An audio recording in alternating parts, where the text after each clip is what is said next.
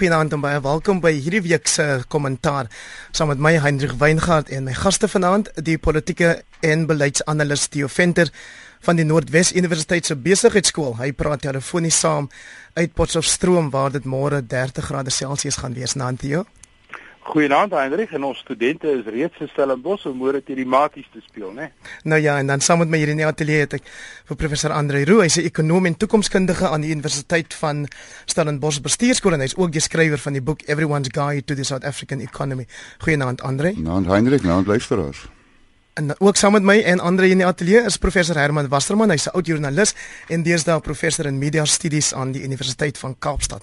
Naand Herman. Goeienaand Hendrik en goeienaand aan almal wat saamluister. Ons skop vanaand se program af met 'n bespreking oor die nuus wat City Press en rapport ons vandag gebring het. En dis dat die omstrede Gupta familie die land verlaat het. Die familie het onlangs omtrent onder skoot gekom vanuit die burgerlike samelewing en die ANC oor hulle skynbaar die mag sou hê om president Jacob Zuma se kabinetsaanstellings en ander staatsbesluite te beïnvloed. Theo Venter, jou reaksie op die Gupta se vertrek? Wel, ek het Vrydag aand het ek CNN sit en kyk toe uh, Nazim Hawa, hulle uh, hoofuitvoerende beampte op CNN uh, se se program wat deur uh, Quest uh, business program waar hy probeer verduidelik het wat die rol van die vele vele velerlei Gupta besighede in Suid-Afrika is en en so half en half aangedui het dat hulle is 'n slagoffer van 'n politieke spel in Suid-Afrika. En die politieke spel wat hy probeer verduidelik het aan aan nou Richard Quest was dat hier is 'n president, hier's 'n veld tog om 'n nuwe president te kies in die volgende jaar of 3 en die Gupta's het nou daar in in 'n sekere sin beland. Ehm uh, hoe Richard Quest ook al vir hom gevra het, het hy hom elke keer uit hierdie gate uitgetrek en min wetende dat terwyl daai program aan die gang was, toe was die Gupta's lyk vir my toe al in die Midde-Ooste waar hulle donderdag aand pad gegee het. Nou die die die vraag of hulle regtig die land verlaat het, dit dink ek is 'n bietjie is 'n bietjie dramaties en miskien 'n bietjie oordryf.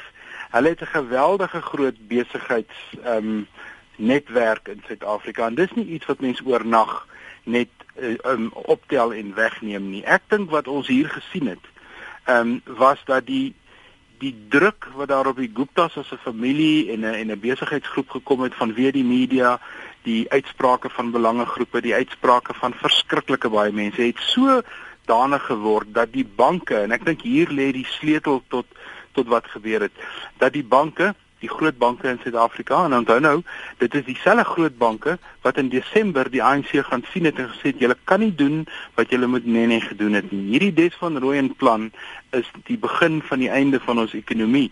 Dis daai selfde banke wat een vir een begin het om die suurstofkraantjies toe te draai op die Gupta's. Nou, dis 'n feit as jy 'n groot besigheid in Suid-Afrika is en jy maak nie gebruik van plaaslike bankdienste nie, dan het jy probleme en ek dink uiteindelik moes die banke en dis wat ek dink die banke gedoen het, hulle die risiko gaan bepaal van wat is die wat hou die Gupta's vir hulle in as instellings, finansiële instellings en ek dink nie die Gupta's het vir hulle werklik finansiële risiko ingehou nie.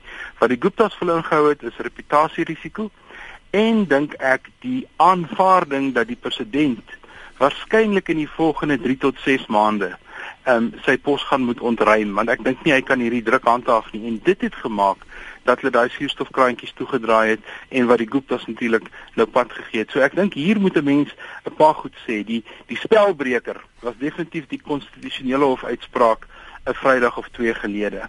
En dan daarna wat in die parlement gebeur het die laaste week en die onhoudbaarheid van die posisie wat die parlement ingeneem het en dan lê die die die Gupta's is natuurlik nou die slagoffer want hulle het hulle eenvoudig te naby aan die politiek gaan skaar vir wat goed is vir enige besigheid.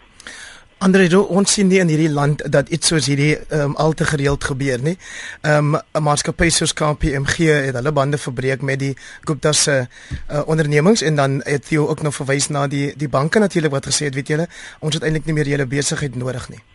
Ja, ek dink jy's Theo is heeltemal reg, jy's heeltemal reg, Heinrich. Ek bedoel wat ons nou sien is soos Theo gesê het, uh dat dat die banke se reputasie kapitaal as ware uh, uh in gedrang kom en of hulle nou permanent weg is uit die land uit dit sou dit sou tyd moet leer dit is interessant net so sien nou nou daar sien ingeluister het of gekyk het op 'n paar weke op Sky News en BBC In Brittanje, uh, Brittanje se staal en ysterbedryf is kniediep in die moeilikheid. Daar's 'n wit ridder uh, op die horison vir Brittanje. Die persoon se naam is Gupta. Of hy familie is weet ek nie. Uh maar ek wonder wat wat, wat gaan daar gebeur. Herman Wasserman, hoe bekyk jy dinge as jy nou as 'n media studies uh, professor by die Universiteit van Kaapstad met jou studente moet praat oor wat aangaan die Guptas is ook media rolspelers natuurlik as die eienaars van IN7 die TV-kanaal en dan The New Age koerant. Ja, ek dink hier is natuurlik deel van 'n ontwikkelende nuus storie. Dit is 'n groot nuus storie. Al die tentakels uh wat daarmee verband hou die politieke en ekonomiese implikasies uh, wat wat ontwikkel. Die die water is inderdaad besig om baie warm te word en ek dink uh die media is is is op die voorfront om hierdie ontwikkelings uh dop te hou.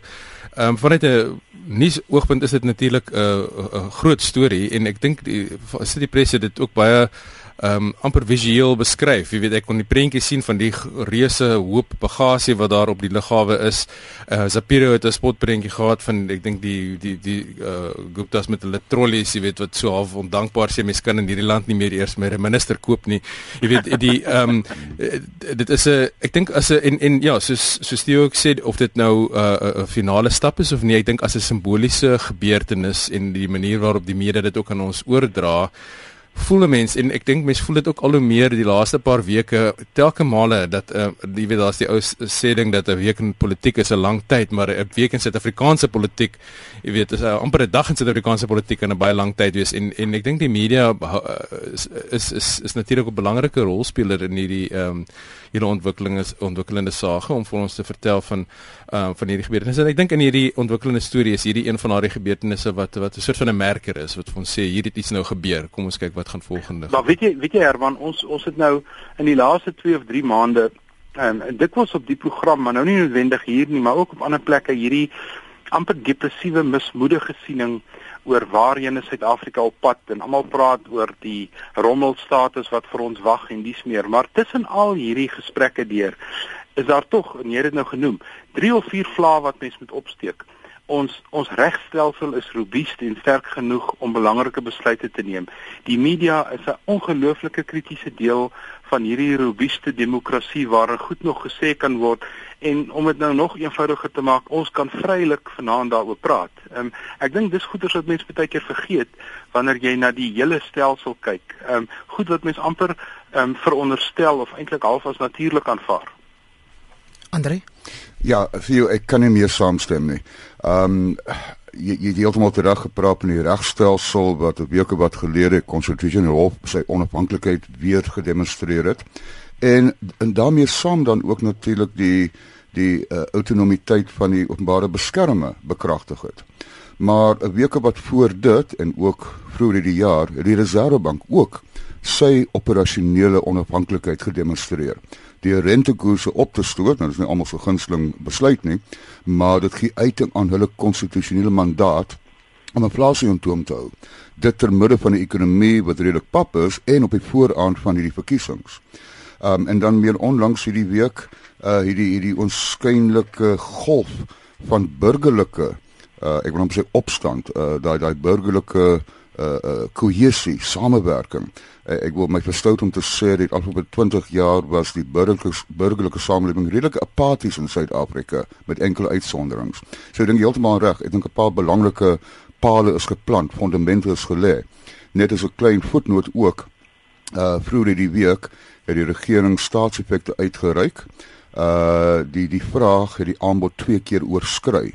Wat vir ons sê dat daar tog mense daar buite is wat uh, Suid-Afrikaanse staat staatseffekte wil koop ten spyte van die dreigende rommelstatus. En en Andrei, um, as ek reg verstaan het, um, ek is nou nie 'n ekonom nie, maar die ehm um, daardie um, daardie effekte is verkoop teen 'n effense hoër rentekoers en as ek nou die kommentaar reg lees dan die oorseese markte en die kopers eintlik alreeds ons ekonomiese posisie verdiskonteer in daardie in daai transaksie. Ek stem heeltemal saam met kry al hoe meer die indruk dat uh, die markte soos ons sê al hierdie dinge reeds ingefaktor het in die pryse.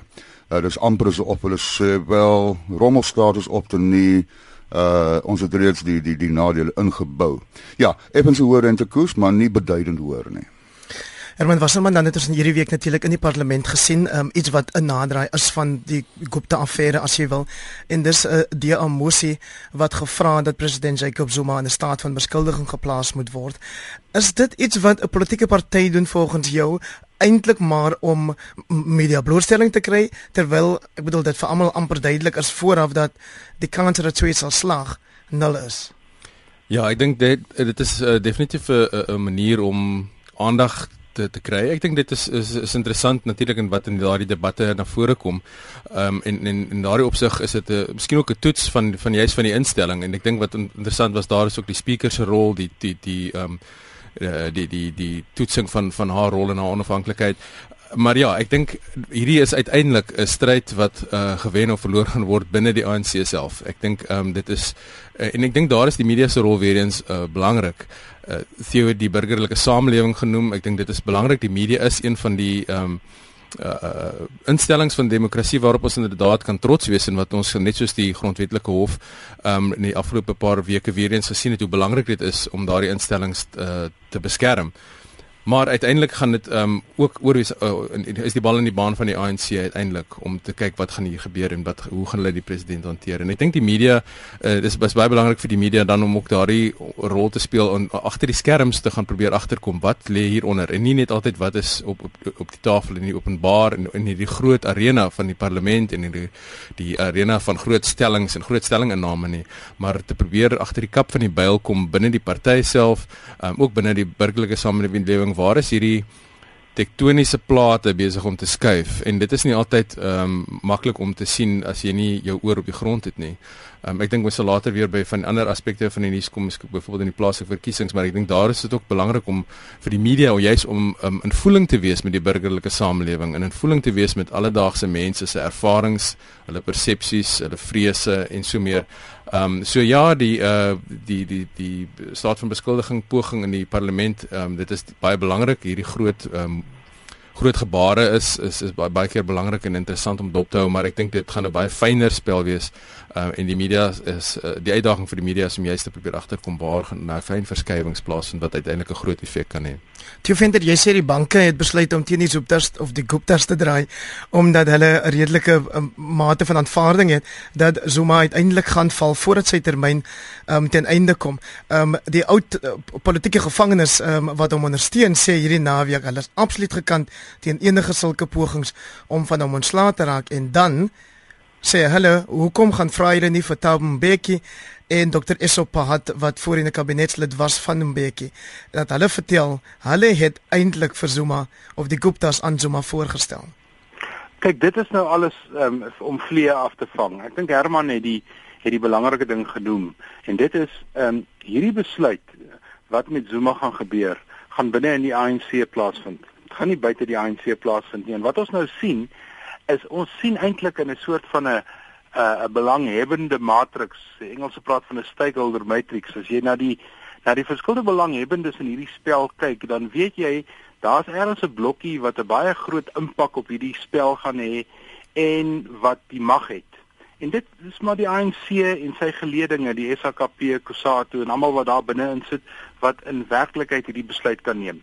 Maar rondom rondom daai belangrike blokkie daarbo is hier 'n klomp ander faktore wat rolle speel. Daar's ander belanghebbendes, daar's die gehoor en daar's ek en jy, daar's individue en die die gesprek wat ons voer, die geluide wat ons maak, die lawaai wat ons maak, dra alles by tot wat die spelers uiteindelik op die veld gaan doen en dit is die ANC en ek dink net eenvoudig dat daar is besig om twee twee strome in die ANC te ontwikkel breedweg. Daar is 'n hele klomp wat nie wil besluite neem nie, daar is 'n hele klomp wat so half en half sê dit moet dalk miskien oorweeg word, dan is daar baie sterk ehm um, uitsprake soos die wat ons wat jy nou net genoem het wat sê Zuma moet bly en dit sluit 'n hele paar senior ANC-lede ook in.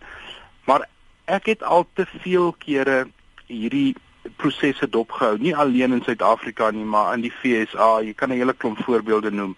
Selfs in Suid-Afrika het ons een of twee baie goeie voorbeelde rondom die inligtingskandaal. 'n Ding, 'n ding begin 'n uh, momentum kry en dan dan as hy momentum kry, daai momentum is nie 'n reglynige beweging nie. Dit is 'n golfbeweging, maar hy's eksponensieel. Hy begin al hoe meer groei en uiteindelik raak die druk al hoe groter en al hoe meer en ek dink net nie dit is volhoubaar vir president Zuma om tot om te dink dat hy tot Mei maand 2019 kan bly nie. Ek dink net nie dis realisties nie. Ander hier is natuurlik 'n ou wat altyd daarop wys dat 'n mens um, in die eerste plek 'n bietjie optimisme moet probeer behou en dan tweedens sê jy die markte soek sekerheid. So hulle wil nie weet of miskien nie. Hulle sê dat die man val as hy moet val. Dit is my interessant dat as jy kyk na wat die reaksie was die ander dag op ehm um, die sakeman uh, Johan Rupert se se uitsprake ehm um, teenoor die reaksie nou oor KPMG en FNB en die die die ander banke se besluit om nie meer die Guptas ehm um, besigheid te doen nie. Is, is, is daar vir jou oor die inkomste is daar vir jou duidelike verskil tussen die twee? Of sou jy sê besigheid moet heeltemal uit hierdie spasie uit wegbly? Nee, inteendeel, ek dink uh een van die ag, ek wil nou nie almal daar uh, beskuldig nie, maar ek dink een van die probleme leemtes die afgelope 20 jaar is dat besighede ook tot 'n groot mate apaties geraak het rondom die politiek. As mens terugdink aan die jare voor 94, watter siening sakemanne ook al ingeneem het vir of teen die vorige bedeling. Hulle het altyd kommentaar gelewer. Elke dag was daar berigte in die koerant, briewe in die koerant het ons ons ontkort meer daarvan watter kant ook al besigheid wil kies. So ek dink daai tipe betrokkenheid is 'n belangrike komponent van hierdie burgerlike burgerlike samelewing. Uh, ons het waarskynlik einde van die jaar gesien die rol wat besigheid kan speel uh in die ontnugtering wat hulle getoon het rondom die drie ministers, drie finansiesministers binne binne 4 dae. So nie intendeel ek ek dink mense moet dit verwelkom. Theo Venter maak dit jou opgewonde dat Gwedi Mantashe die ANC se sekretaris-generaal vandag nog by die herdenking van Chris Hani se dood gesê het dat jy weet die hele debat binne die ANC nou oor of daar enigsins 'n ding is met die naam state capture, die moet mee weggedoen word want elke ou wat beïnvloed word, ehm um, dra by daartoe dat die vertroue in die party ingeboet word. Kyk, ek dink die konsep state capture is ook 'n bietjie oordrewe. Ek dink dit het um, sy doel gedien en uh, ek dink dit het in 'n mate 'n rol in gespeel dat daar dat die familie ook nou die aand 11 uur in die nag gevlieg het. Hulle kon seker helder oordag ook gevlieg het. Maar ek dink die rol van Gwedi Mantashe, dis eintlik die die die sleutelvraag hier. As sekretaris-generaal is hy in 'n ongelooflike moeilike posisie. Hy moet die belange van die party moet hy probeer stuur. Hy moet hierdie hierdie ongelooflike krisis wat die party eintlik nou beleef, moet hy op 'n manier rig en hy is uiteindelik die enigste ou wat vertroue kan bou in die party want die president kan nie meer nie. Ehm um, soos ons nou weet die struktuur van die ANC is so dat die sekretaris-generaal eintlik maar die belangrikste ou in die party. Hy is die man wat die party bestuur op 'n dag tot dag basis en as mens nou na Gwede luister oor die laaste 2 weke, dan praat hy bond, maar hy probeer vure doodslaan.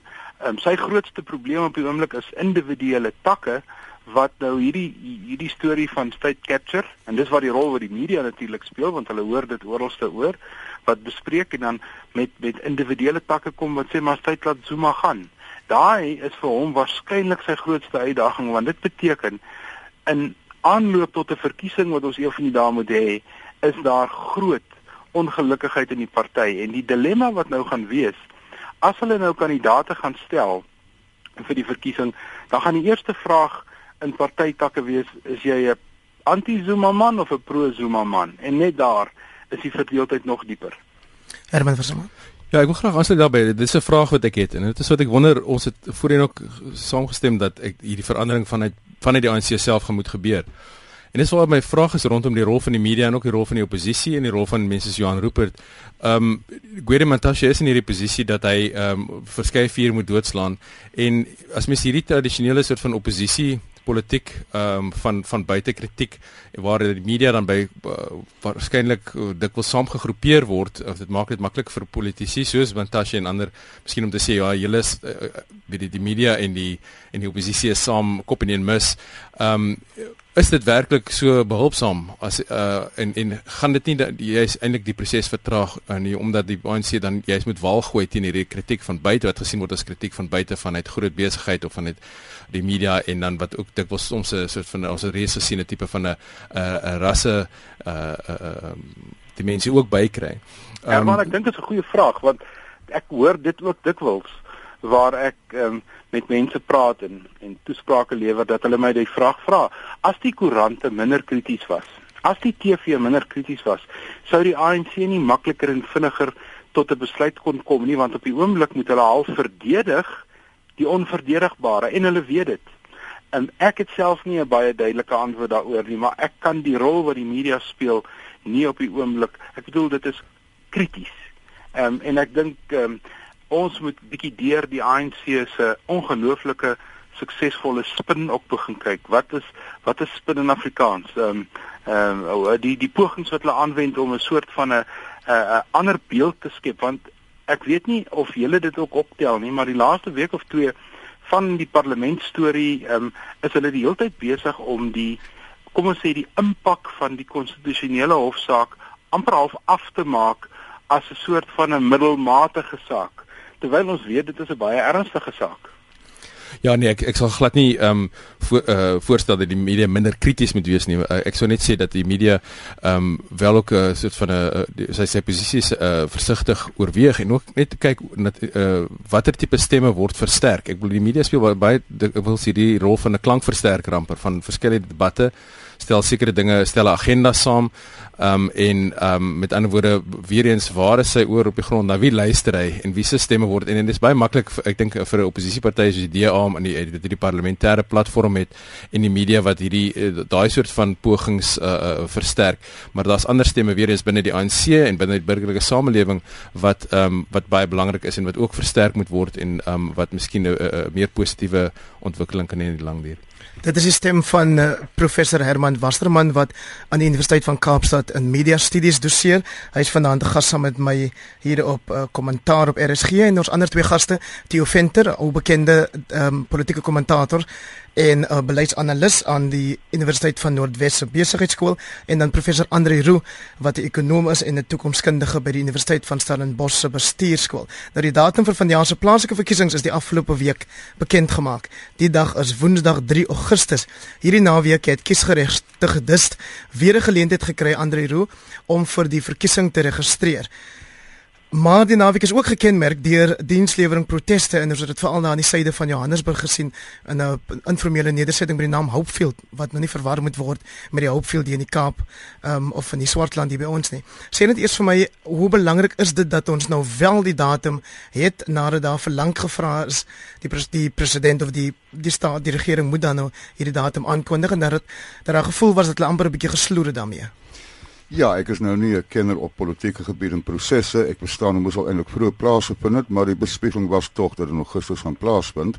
Uh, ons het nou duidelikheid daaroor. Ehm um, ek dink wat vroeër ook gesuggereer is en ek sou graag vir jou en Herman se siening hier wil wil hoor uh, tot hoe mate is uh, plaaslike verkiesingsresultate uh, uh weerspieëlend van provinsiale en en nasionale verkiesings.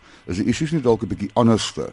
Gaan dit meer oor dienslewering nie en dat 'n mens dalk 'n tendens mag kry binne in 'n plaaslike verkiesing wat nie noodwendig 'n uh, paar jaar later tydens provinsiale en nasionale verkiesings herhaal sou word nie.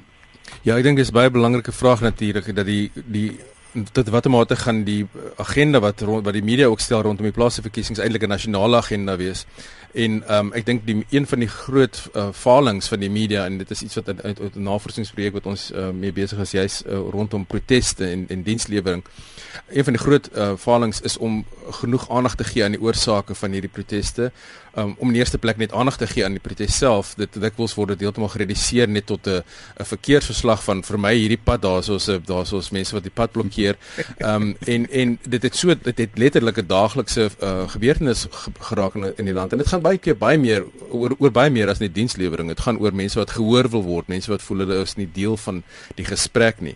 En ek dink ehm um, dit dis 'n die plaaslike verkiesings is 'n uitstekende geleentheid vir die media om die die fokus ook op gemeenskappe en mense se alledaagse ervarings van demokrasie om en ook hulle ontnigtering met demokrasie in die breë um te gaan ontgin en dit nie net 'n spieelbeeld te maak van die nasionale debat en van 'n nasionale geveg wat op die oomblik oorheersend is nie.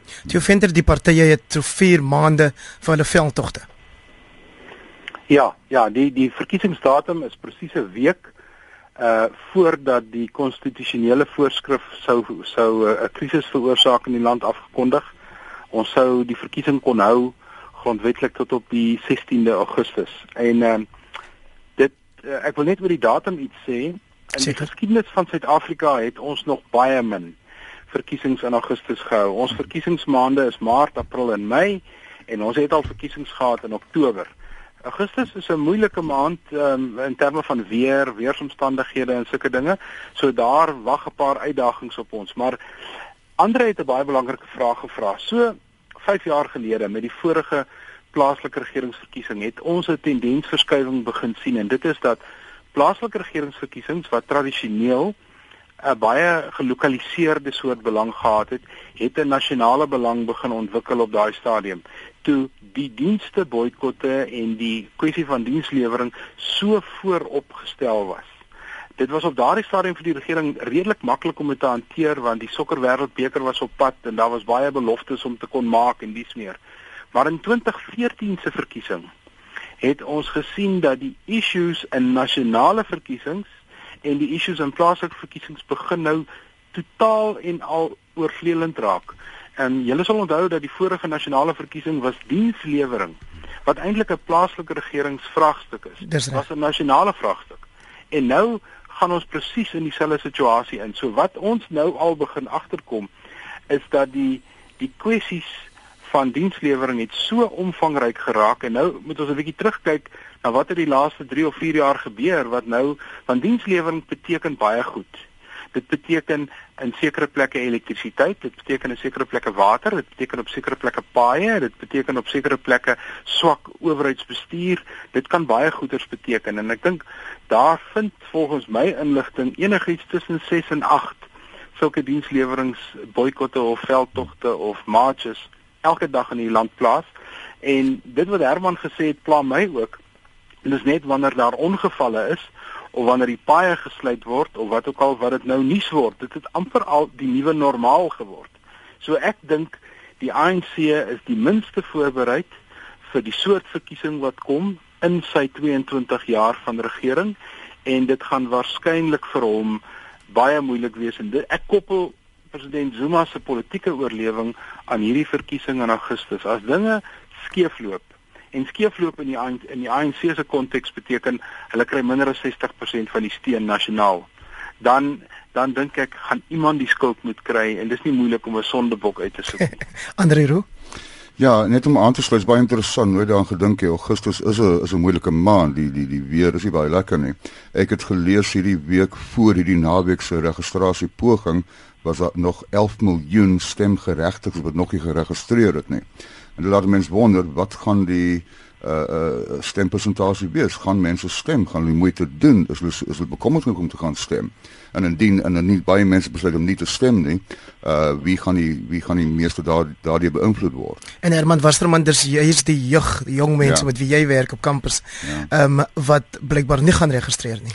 Ja, daar's natuurlik hierdie uh, groot debat rondom die sogenaamde bond freeze. Dit is ook net op sigself 'n omstrede term en of dit wel 'n gebruikbare en nuttige term is, maar dit dit lyk my dit is die jong mense wat jy's nie geregistreer het nie en dit is ehm um, inderdaad dan ook uh, iets wat ons ook al gehoor het in die die navorsing wat ons gedoen het byvoorbeeld met mense rondom die media ook sê jong mense voel nie altyd dat hulle gehoor word nie. Hulle voel nie hulle word hulle belange word altyd op die hart gedra nie en hulle is nie altyd 'n belangrike stem nie. So ek dink weer eens hier is die media se rol is om te gaan luister uh na mense in gemeenskappe, uh mense wat uh miskien nie altyd uh op die groot politieke platforms kry nie, maar um dit dit gaan baie belangrik wees om daardie agenda te verbreek en uh veral rondom uh dienslewering, maar dienslewering in 'n breër sin. Dit gaan eintlik oor mense se ervaring van demokrasie en wat dit vir hulle beteken het of dit enigstens vir hulle lewens verander het of nie. Kom ek vra jou dan sommer nou die Sunday Times het vandag berig waar hulle oor die plakate uh, wat tans op die palle gesien word, skryf en dan wys hulle nou op dat ehm um, heelwat van die partye lyk of hulle nie die leiers se foto wil gebruik nie. Die ANC gebruik wel president Zuma se se foto, maar in die geval van die VF+ byvoorbeeld is daar nie 'n foto van Dr Pieter Mulder die leier nie, maar eerder van 'n jong wit meisie. So die jeug word wel deur die VF+ ingereken as as belangrik.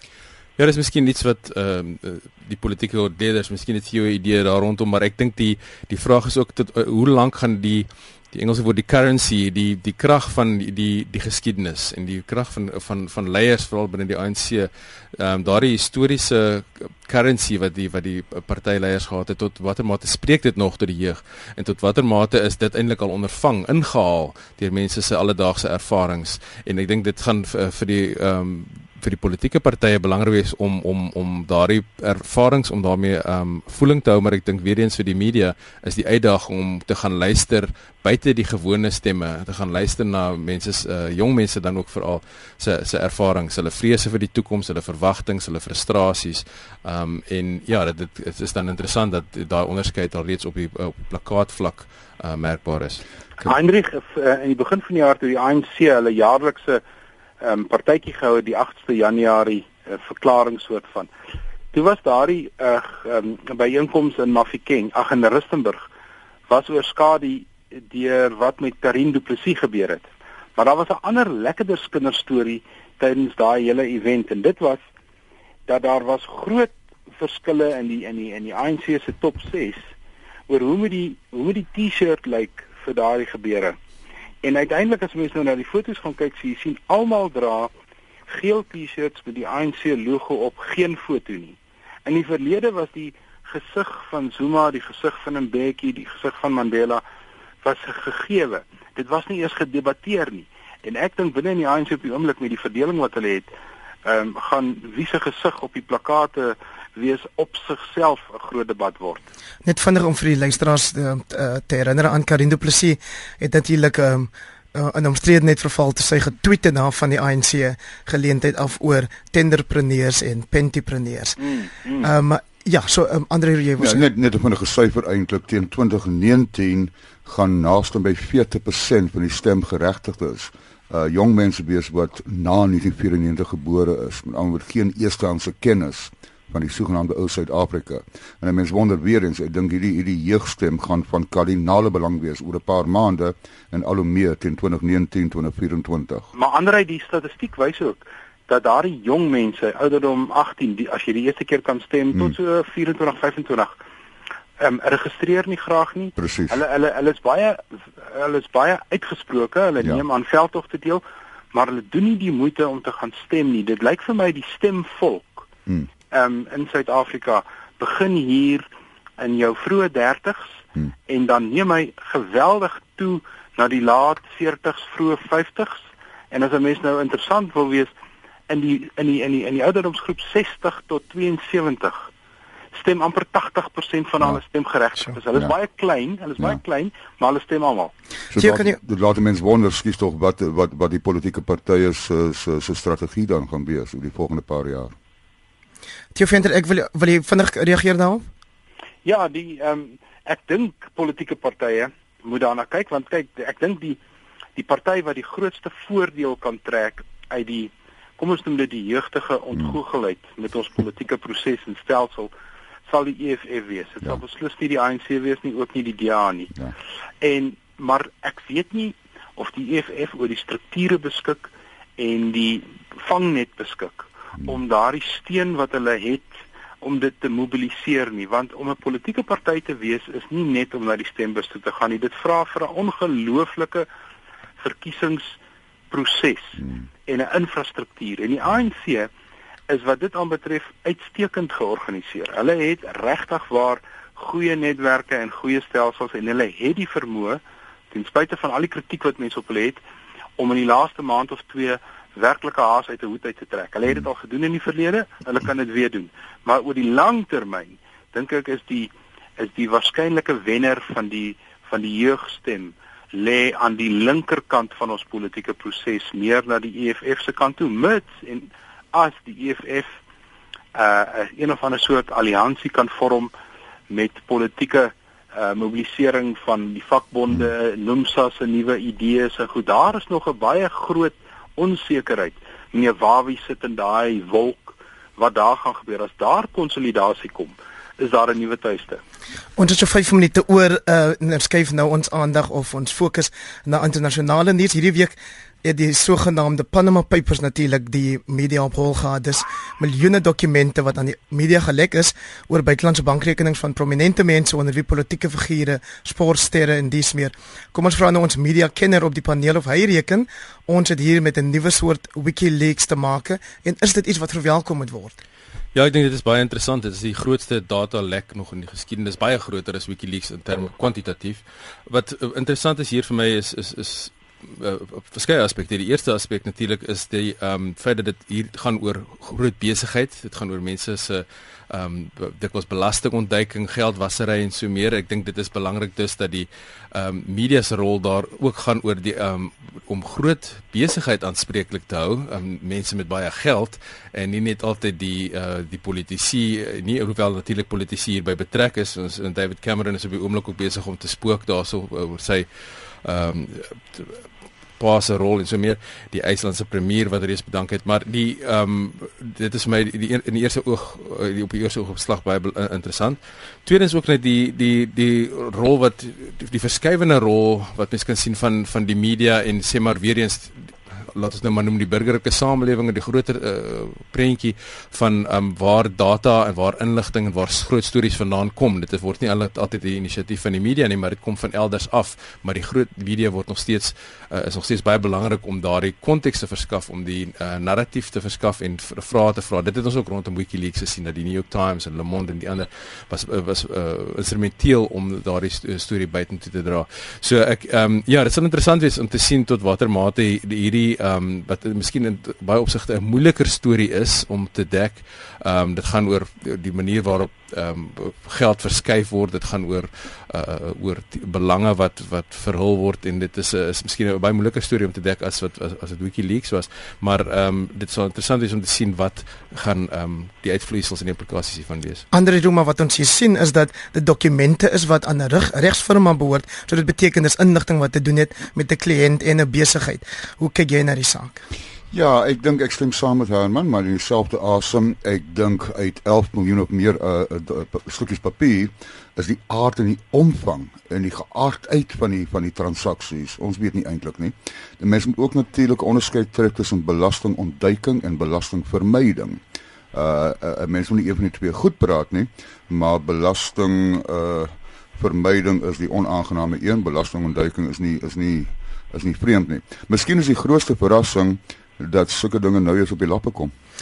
Kan ek jou vra Theo Venter, Kolobo sê Zuma neef van die president se naam is ook genoem. Nou hy word nie noodwendig direk geïmpliseer in enige ehm um, verkeerde aktiwiteite nie, maar was dit nie veel interessanter die Zuma naam ook daar opgeduik het nie? Ja, dit was baie interessant en polities kry ek so dieselfde gevoel wat ek gekry het na die groot globale ineensinking in 2008-2009 het die skeptici wat um, veral skepties gestaan het teenoor die vrye mark en die kapitalistiese stelsel en dis meer het het teruggekom en gesê sien ons het julle mos gesê dit is hoe die dis eintlik hoe kapitalisme werk. En ek dink hierdie ding het dieselfde soort vermoë dat vir die sinici en die skeptici sê hulle ons het julle mos gesê. Ja. die elite steek hulle geld weg julle kan hulle nie vertrou nie. So hierdie is water op die meel vir baie mense en ek dink in die Suid-Afrikaanse geval gaan dit ook wees en ek dink dis net nog een van daai uh, stukkie standbeeld wat rondom meneer Zuma gebou word. Dit is eintlik nie 'n standbeeld nie. Standbeeld is 'n positiewe ding. Verseker. Uh, ja, dit ja, dit wys dit wys ook Theo ons het um, so 'n paar sekondes oor, maar dit wys die waarde van ondersoekende journalistiek sou ek sê en dan wil ek graag hulde bring aan Mandy Rousseau die ontslape joernalis wat in Desember 2009 die Kandla storie oopgevlek het. Ehm um, dit is ongelukkig dan alwaarvoor ons vanaand tyd het. My gaste was die laaste stem wat julle gehoor het was Theo Venter. Hy's 'n bekende op die program en hy's verbonde aan die Noordwes Universiteit se besigheidskool. Dan het ons ook hier in die ateljee saam met my gehad Herman Wasserman. Hy studeer of liewer doseer media studies aan die Universiteit van Kaapstad. En dan 'n stem wat julle ook al voorheen op die program gehoor het, professor Andre Roo van die Universiteit van Stellenbosch Bestuurskool en hy is uh, ook 'n toekomskundige. Baie dankie dat jy ingeskakel het vanaand en baie dankie ook aan my paneel van my Hendrik Weingart. Groete tot volgende keer.